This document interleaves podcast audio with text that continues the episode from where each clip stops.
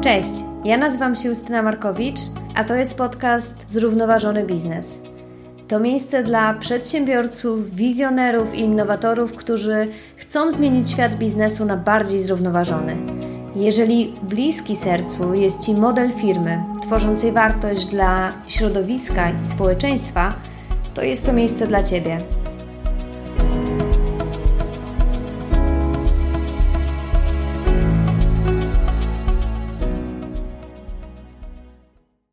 Cześć! Przed nami bardzo ważny temat i bardzo duży temat, y, temat łańcuchów dostaw. W dzisiejszym odcinku e, dowiemy się, co się składa na łańcuch dostaw, dlaczego warto zadbać o to, żeby był on zrównoważony, jakie zrobić pierwsze kroki jako biznes, dlaczego rozłożenie wartości w łańcuchach jest tak istotne oraz e, poznamy przykłady polskich firm, polskich rozwiązań, e, które pomagają zrównoważyć łańcuch e, wartości. Mój dzisiejszy gość, Kasia Geiger, to doświadczona menedżerka właśnie w zarządzaniu i optymalizacji łańcuchów dostaw. Pracowała głównie w przemyśle spożywczym w Polsce, Niemczech, Słowacji, Austrii i Szwajcarii. Dla takich brandów jak Coca-Cola, Kraft Foods, a także małych i średnich przedsiębiorstw. Od wielu lat angażuje się w działania na rzecz e, zrównoważonego rozwoju i postanowiła połączyć swoją pasję e, z wieloletnim doświadczeniem e, i stworzyła Green Dreams Lab, który promuje, doradza w zakresie cyrkularności łańcuchów dostaw oraz filozofii Zero Waste. Skupia się tam szczególnie na przemyśle spożywczym i pomaga firmom przedefiniować działalność operacyjną tak, żeby była ona bardziej zrównoważona. Z wykształcenia jest ekonomistką, kulturoznawczynią i absolwentką programu Sustainable e, Value Chains w Cambridge Institute for Sustainability Leadership na Uniwersytecie Cambridge e, w Wielkiej Brytanii. Jeżeli podoba Wam się to, co tutaj robię, zachęcam Was gorąco do subskrypcji e, podcastu na YouTubie, Spotify, Google, Apple Podcast. To jest zawsze znak, że to, co robię, ma dla Was znaczenie. A teraz zapraszam Was już do wysłuchania rozmowy. Cześć Kasiu, bardzo się cieszę, że możemy się dzisiaj spotkać, żeby porozmawiać o łańcuchach dostaw. Cześć Justyno, bardzo dziękuję za zaproszenie. E, no i mam nadzieję, że uda mi się przynajmniej pokrótce jakoś e, opowiedzieć, e, co to w ogóle jest, czym się to je i jak zrobić z tego coś lepszego dla środowiska. Tak, zdecydowanie. Temat łańcuchów dostaw jest olbrzymi, złożony, wielowymiarowy, e, ale też rozwijający się. Mam nadzieję, że dzisiaj uda nam się trochę uporządkować e, i dotknąć tego tematu. Myśląc o łańcuchach dostaw, e, pojawiło mi się w głowie kilka wątków, chociażby to, że łańcuchy dostaw rozciągają się na całym świecie, łączą kontynenty, e, jednocześnie są bardzo podatne na e, klęski żywiołowe, konflikty cywilne czy właśnie pandemie, co bardzo mocno też odczuliśmy i odczuwamy nadal. Zmiany klimatyczne, niedobory wody, złe warunki pracy, to są e, kolejne aspekty, które zwiększają ryzyka e, łańcuchów dostaw. Tutaj znalazłam taki, mm, takie oszacowanie McKinsey'a, że zagrożona wartość z powodów e, właśnie takich problemów związanych ze zrównoważonym rozwojem może sięgnąć nawet 70% zysków firm przed odliczeniem odsetek podatków i amortyzacji. Kolejny aspekt to to, że łańcuchy dostaw są w większości oparte na kapitalistycznych fundamentach, e, często też e, kolonialnych fundamentach, które pogłębiają różnice pomiędzy bogatymi i, i biednymi. No i bardzo ważny wątek to ślad środowiskowy. No i tutaj też warto by było dotknąć na pewno tego tematu dzisiaj. Kasiu, jakbyś mogła nam trochę wyjaśnić ten termin łańcuchów dostaw i powiedzieć, jakie, jakie obszary w nim można wyróżnić. E, tak jest to, no, poruszyłaś e, no, ogromną ilość aspektów, które niestety, niestety bardzo się zazębiają, tak? Może zacznę od tego, jakby jak ważne dla gospodarki światowej są te łańcuchy dostaw i oczywiście jaki mają e, wpływ na środowisko. Bo jeżeli dołączymy do tego jeszcze wszystkie aspekty klęsk żywiołowych, konfliktów cywilnych, czy jeszcze mimo wszystko trwającą pandemię, to taki miks tych wszystkich wpływów determinuje wiele czynników ryzyka. więc e, może zatem czym są te łańcuchy dostaw? Wielu osobom kojarzy się to mm, przede wszystkim jako inna nazwa tak naprawdę transportu towaru z miejsca A do B. No nie jest to tak do końca prawda, bo mm, te łańcuchy dostaw to tak naprawdę jest przeogromnie skompleksowany zbiór e, zintegrowanych i zorientowanych na pewien proces działań, szczególnie e, na proces i planowania, i kontroli przepływu towarów, tak, ale oczywiście też informacji, bo to są informacje, co to jest za towar, skąd on pochodzi, jakie on ze sobą już niesie zagrożenia, tak? Czy jest to może jakiś e, towar, który jest towarem niebezpiecznym. Do tego dochodzą wszystkie informacje i, i, i transakcje pieniężne, tak? Za tym idzie tak naprawdę jeszcze cały tak zwany łańcuch e, wartości, czyli tak naprawdę co dzieje się z surowcem, czyli jakby ten przepływ od samego dostawcy surowców czy wytwórcy surowców po finalnego konsumenta w przykładowym supermarkecie. Ponadto e, dochodzą jeszcze e, wszystkie działania związane z produkcją, bo e, do tak zwanego supply chain należy też wszystkie procesy związane z zakupami, z tak zwanym inbound transportem, czyli jak ten towar w ogóle, czy surowiec dostaje się w ogóle, żeby został przetworzony. Potem wszystkie streamy tak zwane produkcyjne, potem cała dystrybucja, planowanie tych zasobów, produkcja, magazynowanie, ale i to jest bardzo ważna część, e, również zagospodarowywanie odpadów produkcyjnych. To też należy do łańcuchów dostaw. Tak? I e, biorąc pod uwagę, na przykład, trochę skupiając się na liczbach, rok 2019 transport tak naprawdę globalnie przewiózł około 12,7 miliardów ton towaru tak? 12,7 miliardów ton. To są niesamowite liczby, gdzie w 1995 te liczby były o połowę mniejsze. E, biorąc pod uwagę e, tak, taki historyczny rozwój transportu, że dopiero w 1966 zostały wprowadzone pierwsze standaryzowane kontenery, tak, które znamy e, ze statków, które tak naprawdę było pierwszych kilka sztuk w koniec latach 60., a w tym roku mamy już ich ponad 300 milionów sztuk, które są w obiegu. Każdy może do kilkudziesięciu ton towaru jest w stanie w sobie zamieścić. Więc teraz jakby też to pytanie, skąd cały ten rozwój? Bo oczywiście mówi się o śladzie środowiskowym całego łańcuchu dostaw, i oczywiście to jest ogromnie e, zatruwające środowisko, tudzież mają, mając e, ogromny wpływ na, na emisję, część e, operacyjna biznesu, bo w zależności od źródeł mówi się między 24 a 30% światowej emisji CO2 pochodzi właśnie z łańcuchów dostaw. Ale teraz jest pytanie, taki to jest trochę też no, dla mnie osobiście pytanie natury, co było wcześniej e, jajko czy kura, tak?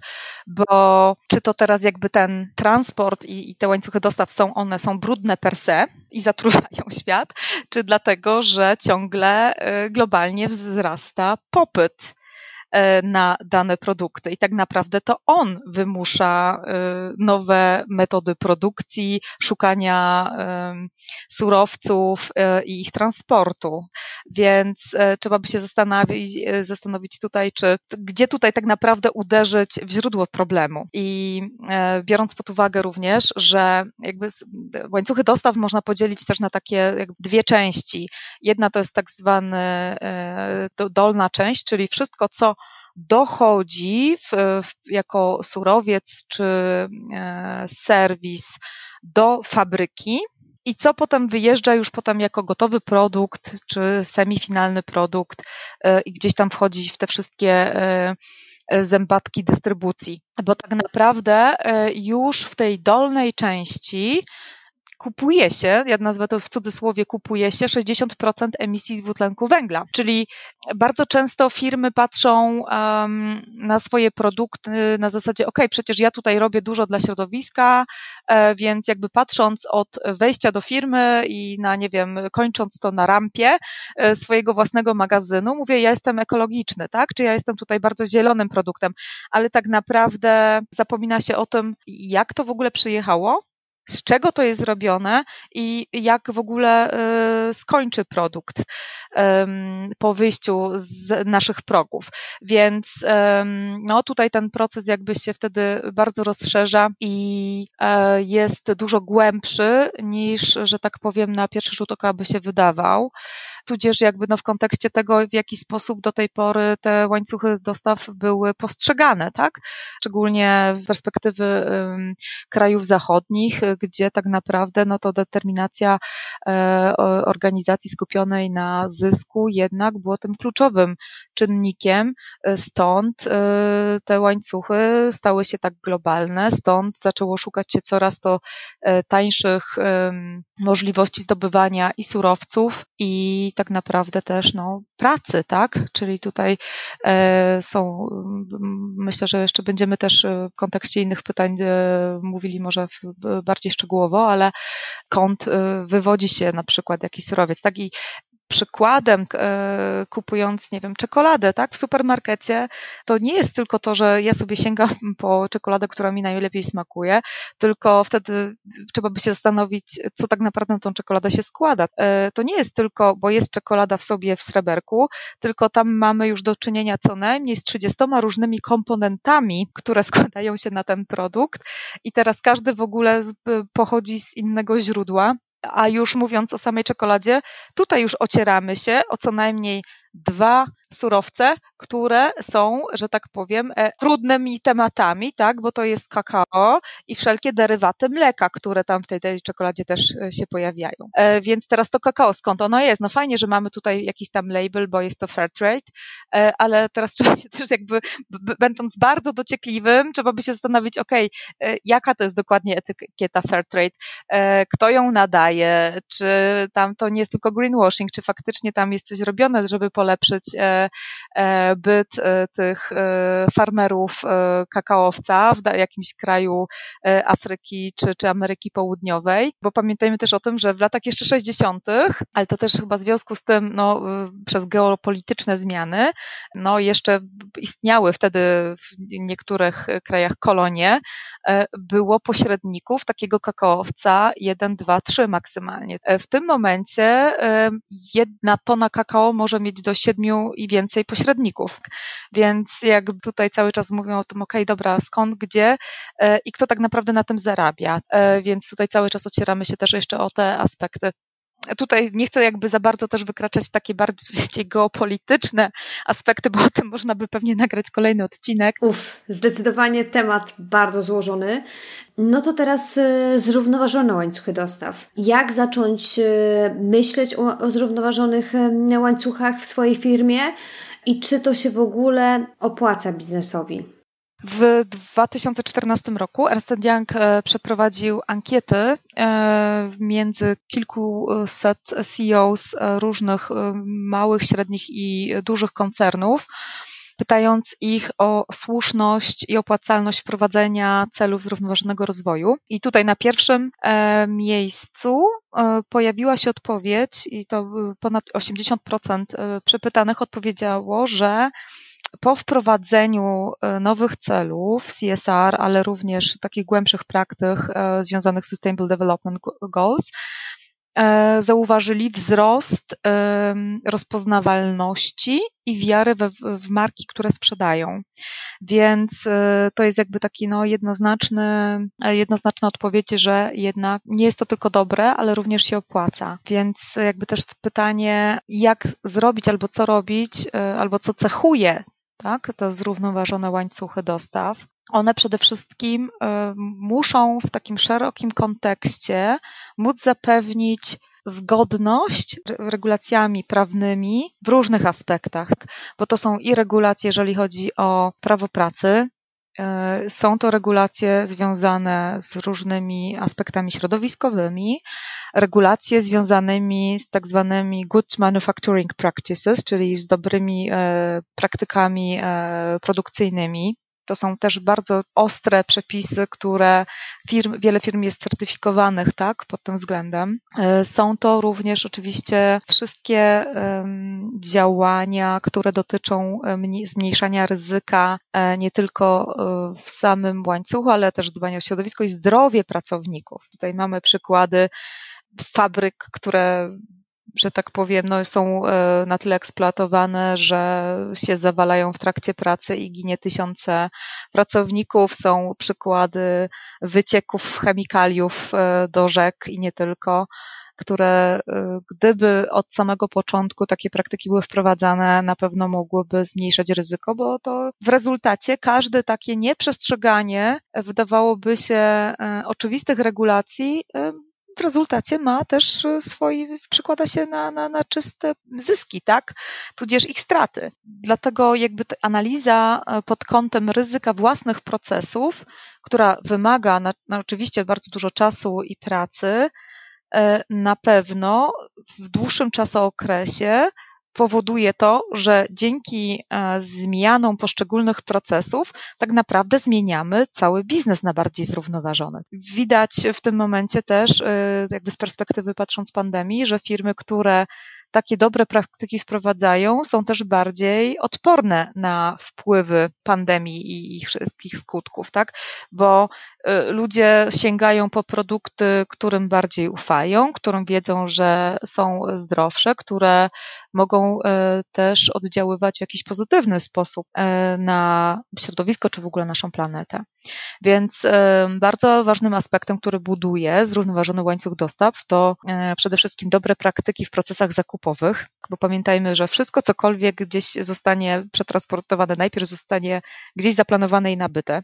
Zintegrowane plany sprzedaży, bo bardzo często mówi się bardzo dużo o transparentności, ale e, firmy mimo wszystko, czy organizacje widzą wszędzie jakby też konkurencję i nie chcą się dzielić wieloma danymi, co powoduje albo zatracanie takiej wiarygodności e, liczb, czyli na przykład mamy tak zwaną nadprodukcję, tak? E, to jakby tutaj cały aspekt zero waste to jakby jeszcze kolejny temat, ale tak naprawdę tu, tutaj można by już um, zacząć um, mówić w kontekście właśnie cyrkularnych, um, cyrkularności biznesu, bo on nie może istnieć bez zintegrowanych, dobrych, e, zrównoważonych łańcuchów dostaw, bo to jedno wyklucza drugie, tak? również silna współpraca partnerska wzdłuż całego łańcucha, tak? Zaczynając od powiedzmy rolnika, kończąc na zapakowanym produkcie w supermarkecie na półce. Więc e, tutaj cały czas ten przepływ danych i, i e, wiadomości może wpłynąć na naprawdę wiele aspektów, które również mogą wpływać na założenia prewencji, recyklingu lub innych form odzysku materiałów i surowców, które jest bardzo ważnym aspektem, jeżeli patrzymy na to w kontekście zrównoważonego biznesu.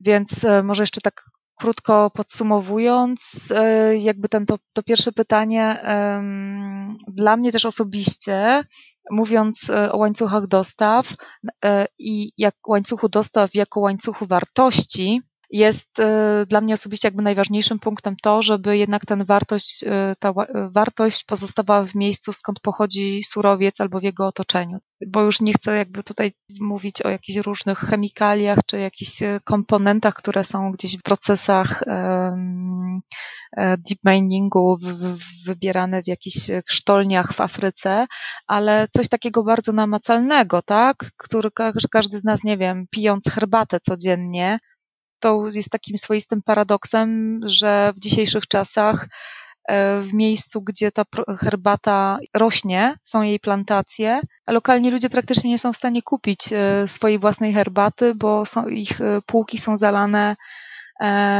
herbatą w torebkach znanych marek z Europy Zachodniej.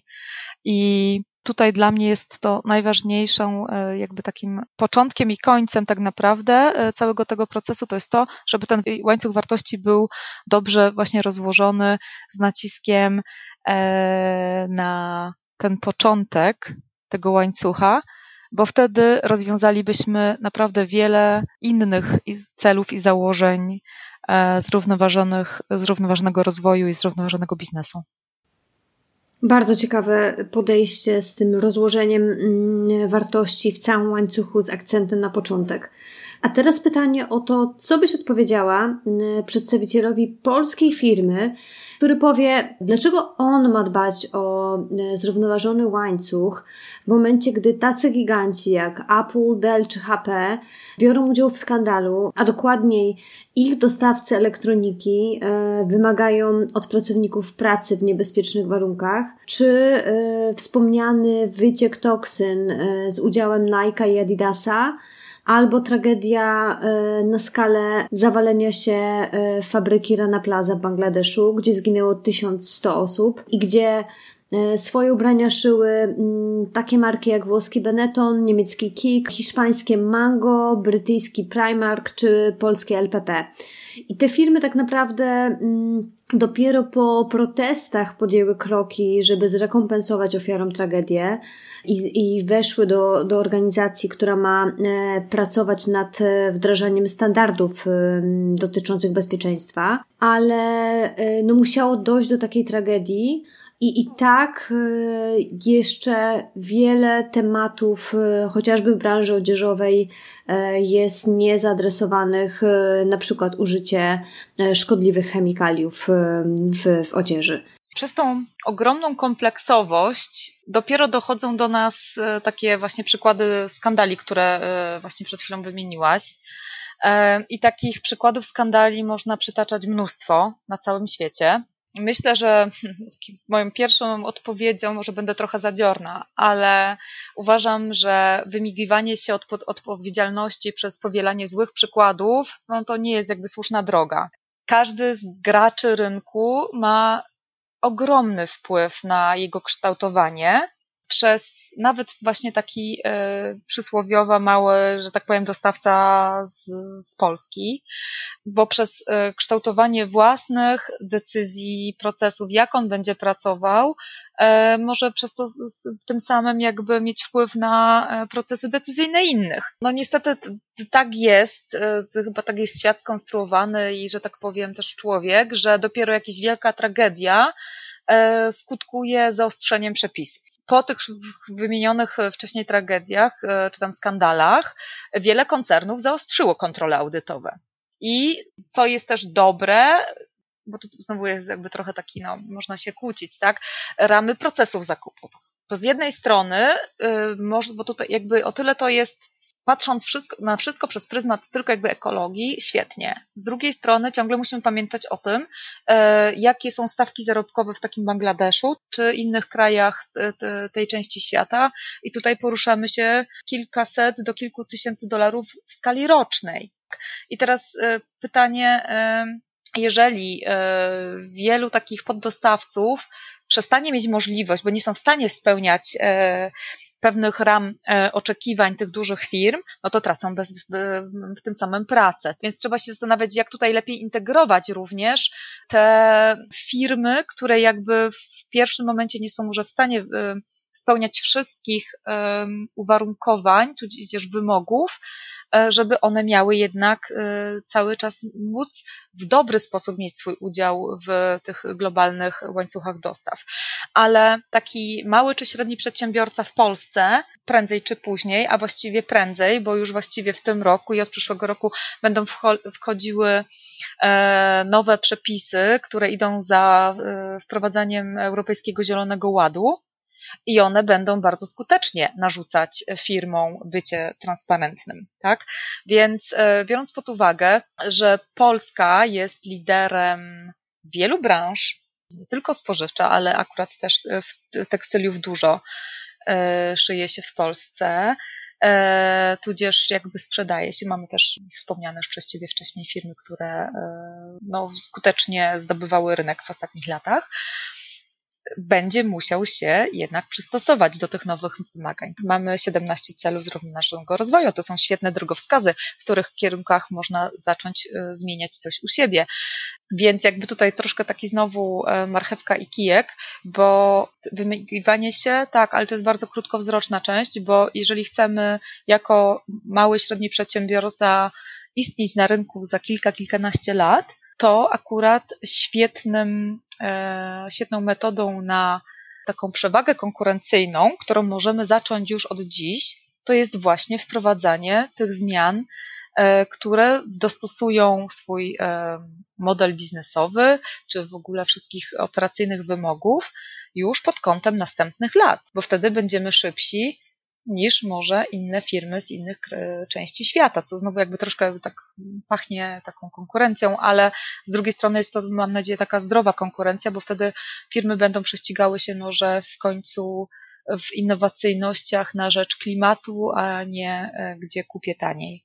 Więc to są takie, myślę, powinniśmy myśleć ciągle na temat przewagi konkurencyjnej przez właśnie zrównoważony rozwój. Tak, i tutaj znowu e, wrócę do branży odzieżowej, bo chyba wszyscy już niemal widzimy, że e, ten model fast fashion musi ulec zmianie, e, że nie można utrzymać takiego tempa i jednocześnie tak nis niskich kosztów kosztem zdrowia, środowiska.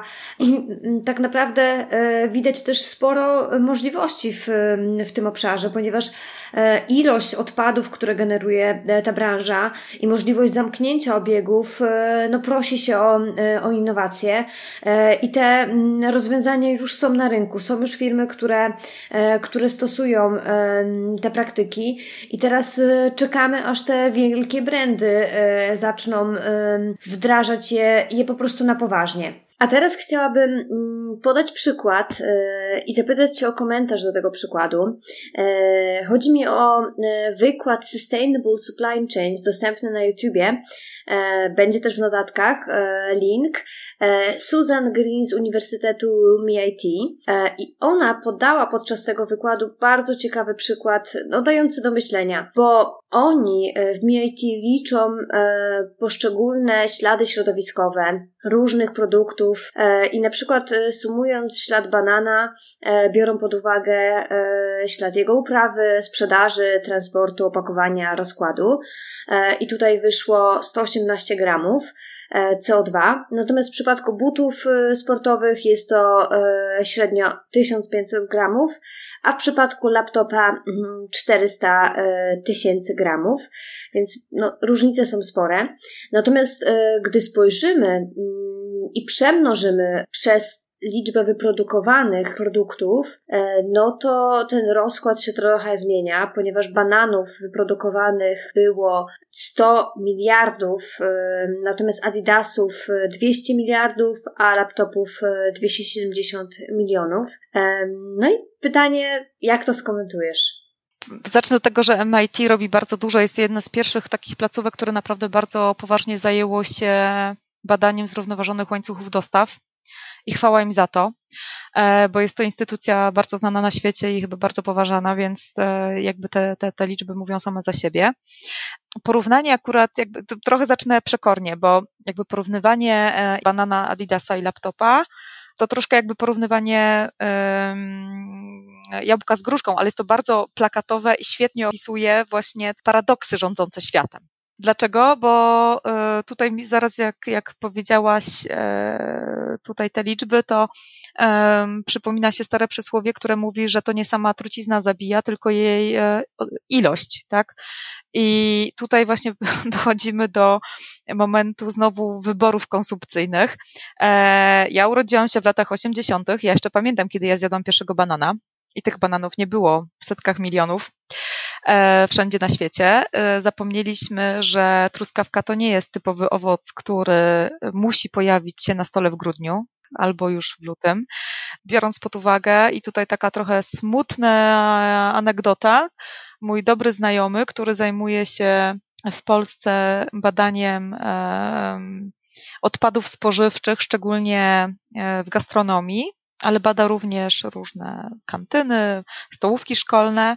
E, z rozżaleniem wysłał mi zdjęcie dwa tygodnie temu, gdzie pokazał mi e, stołówka szkolna w małej mieścinie w Polsce, która serwuje ziemniaki uczniom z Maroka. Akurat Polska ziemniakiem stoi. E, więc niestety nasze wybory i to, co też kładziemy na swoim talerzu, ale też co zakładamy i jak często zakładamy, niestety właśnie ta ilość robi swoje, tak? Tutaj jakby nasuwa mi się również przy tym bananie taka jakby też skłonność trendy i tematem jest jedzenie wege, wegańskie, tak? I zamienniki mleka. I e, co widzimy jako takie napoje mleczne, alternatywne dla mleka? No to na przykład jest to mleko z migdałów. No super. Sama nieraz próbowałam, ale jak zaczęłam trochę śledzić, skąd te, te migdały pochodzą i jak one trafiły do produkcji, no to jednak gro tych migdałów pochodzi z e, Kalifornii. E, Kalifornia jest no, po pierwsze świetnym, no bo te, te migdały jakby w swoim w naturze też tam rosną, ale zostały, odkąd te trendy zaczęły być zauważalne, zaczęło no, sadzić e, drzewa migdałowe takich e, ekstremalnie wyjaławiających ziemię procesach. E, I jest to jeden tak naprawdę skutek, jakby też i przyczyna szalejących pożarów, bo co roku teraz już słyszymy o wielkich pożarach w Kalifornii i niestety to wegańskie mleko też do, niestety do tego się po, po części do, jakby doprowadza, tak? Więc jakby pamiętajmy o tym, że każda nasza decyzja ma bezpośredni przekład, ile tych bananów będzie zjedzonych, ile adidasów zostanie wyprodukowanych i ile laptopów zostanie też gdzieś w Chinach czy w innym kraju azjatyckim złożonych. Myśląc w kontekście, bo tutaj jak mamy z jednej strony oczywiście jedzenie, to jest jakby zupełnie osobny temat, bo tutaj można by naprawdę godzinami mówić, co to tak naprawdę zrównoważony e, łańcuch dostaw e, spożywczych, bo, to, bo tutaj chodzi o konsumpcję, tutaj potrzebujemy też pewne wartości odżywcze, które jednak e, są nam codziennie potrzebne, ale tak naprawdę ile par adidasów, sneakersów czy jakichś innych go obuwia potrzebujemy, potrzebujemy w ciągu roku, tak? No dwóch par na raz nie założymy. E, czy naprawdę potrzebujemy co roku zmienić laptopa? Ja swojego smartfona już też mam któryś rok z rzędu. E, jak się tam potłukł, to go pokleiłam jak mogłam i dalej go używam, bo nie czuję potrzeby, że muszę już mieć znowu najnowszy model. Jakby trochę świadomość e, tego, skąd te produkty się biorą, jak one a chyba jeszcze ważniejsze jest to, jak one kończą, powinny to trochę nami tak wstrząsnąć takie też, może przytaczałaś liczby, to ja może też przytoczę, że tak powiem, no, średnia sieciówka, e, jeżeli chodzi o tekstylia, e, wypuszcza do 20 kolekcji z 10 tysiącami produktów w ciągu roku. I to jest jedna marka, pod jedną marką. Biorąc tylko dane z ostatniego roku, Unia Europejska, łącznie ze Stanami Zjednoczonymi, na składowiska śmieci wyrzucała 90 milionów ton ubrań które nigdy nie zostały ubrane.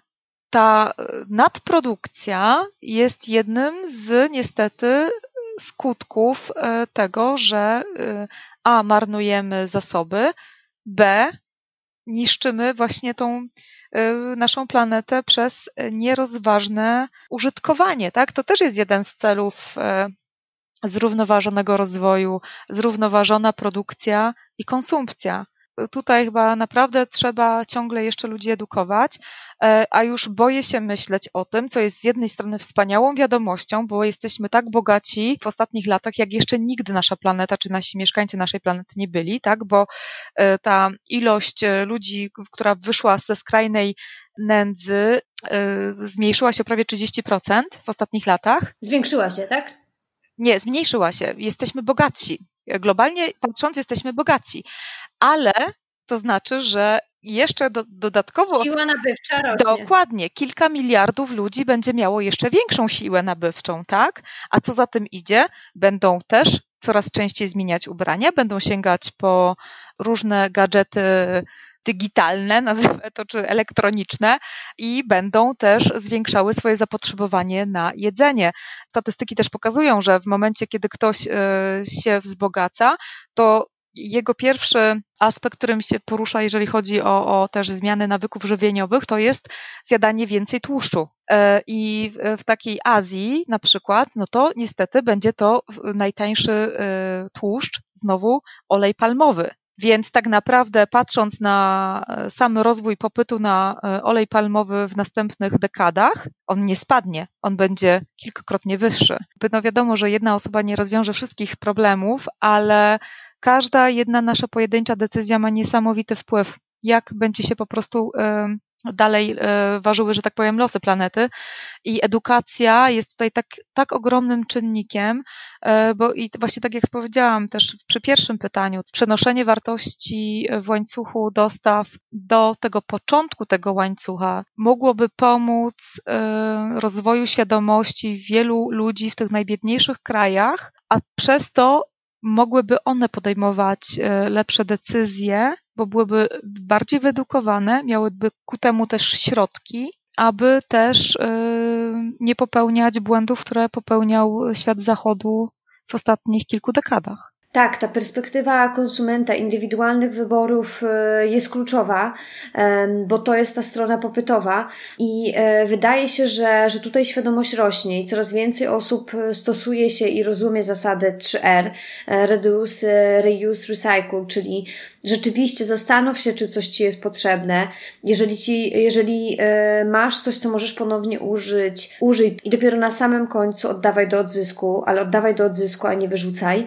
No to Natomiast jest to o tyle trudne, że żyjemy w, w społeczeństwie, w którym już od wielu lat e, wszystko jest dostępne na wyciągnięcie ręki. E, młode pokolenie e, często pytane, znamy ten przykład, że młodzież czy tam dziecko zostało spytane skąd, skąd pochodzi mleko i odpowiedziało, że ze sklepu. Więc ta edukacja, jeżeli chodzi o pochodzenie produktów, o ich, o ich historię, o ich ślad środowiskowy, to jest coś, coś nowego i myślę, że, że bardzo kluczowe jest, żeby tutaj edukować. A teraz chciałabym Cię zapytać o, y, o tę perspektywę mm, firm.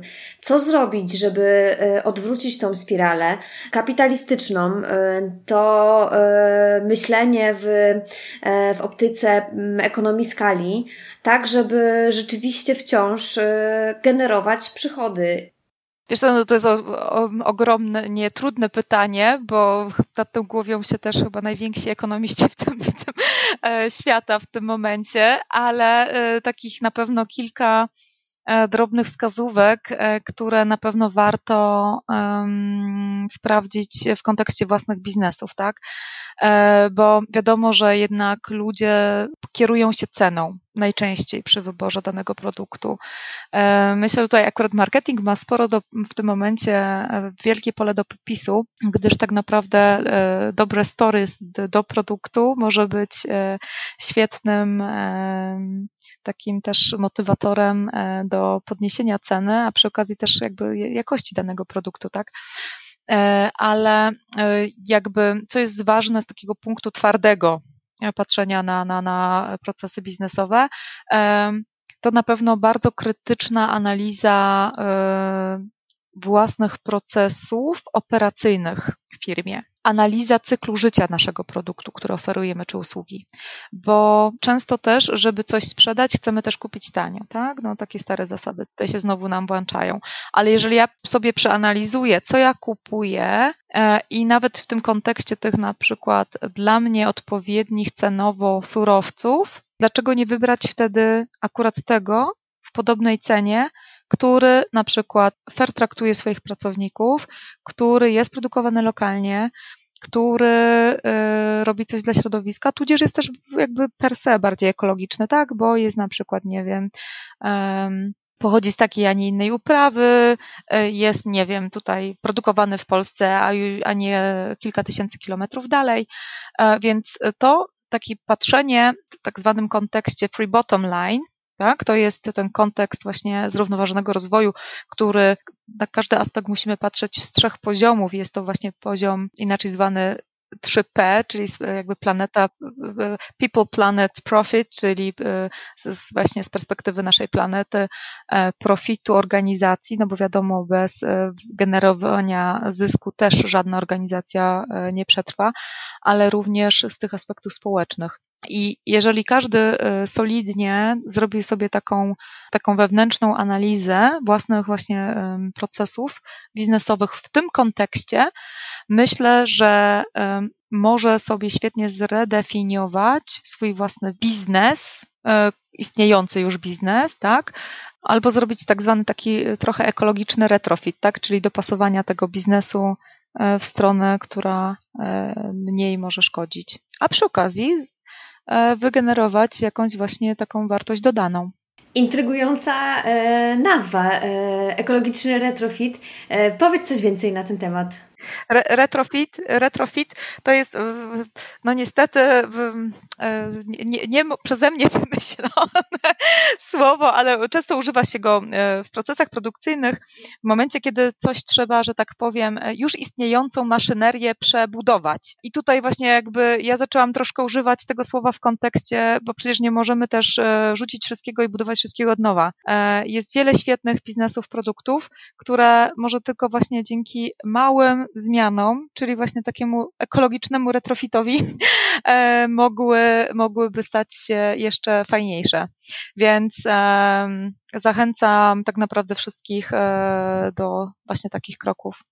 Tak, to, ten wątek e, uwzględniania tych trzech wymiarów e, pojawia się już e, coraz częściej i tutaj chociażby w przetargach ten aspekt nie tylko kosztowy, ale też wymiar społeczny i środowiskowy jest brany pod uwagę, więc trzymamy kciuki, żeby coraz więcej firm implementowało takie działania. Mm, a teraz chciałabym Cię zapytać o to, mm, co, jakie kroki e, polecisz firmie, która dopiero zaczyna i chce wgłębić się w temat e, zrównoważonych łańcuchów dostaw? Wiesz co, ja trochę e, pracuję ze startupami i, że tak powiem, zawsze, jeżeli mam okazję, robię z nimi na początku taką właśnie analizę. Bierzemy, nazwijmy tutaj bardzo naukowo, jednostkę badawczą, czyli tutaj ten ich oferowaną Y, produkt czy, czy, czy serwis. I faktycznie bardzo dokładnie zgłębiamy przez wszystkich tak zwanych stakeholderów, tak, i przez cały cykl życia produktu czy usługi sprawdzamy właśnie w tym kontekście tego tak zwanego 3P, co się tam dzieje, bo bardzo często myślimy tylko, ok, dobra, mamy świetny pomysł, tutaj tak, wprowadzimy na rynek, będziemy tutaj super, e, ale jakby zapominamy o tym, co się będzie działo i przed, tym, nim my to wyprodukujemy i po tym, jak my to sprzedamy. E, I właśnie e, staram się zawsze patrzeć bardzo holistycznie na problem, e, bo to jest właśnie to, co mówiłyśmy wcześniej.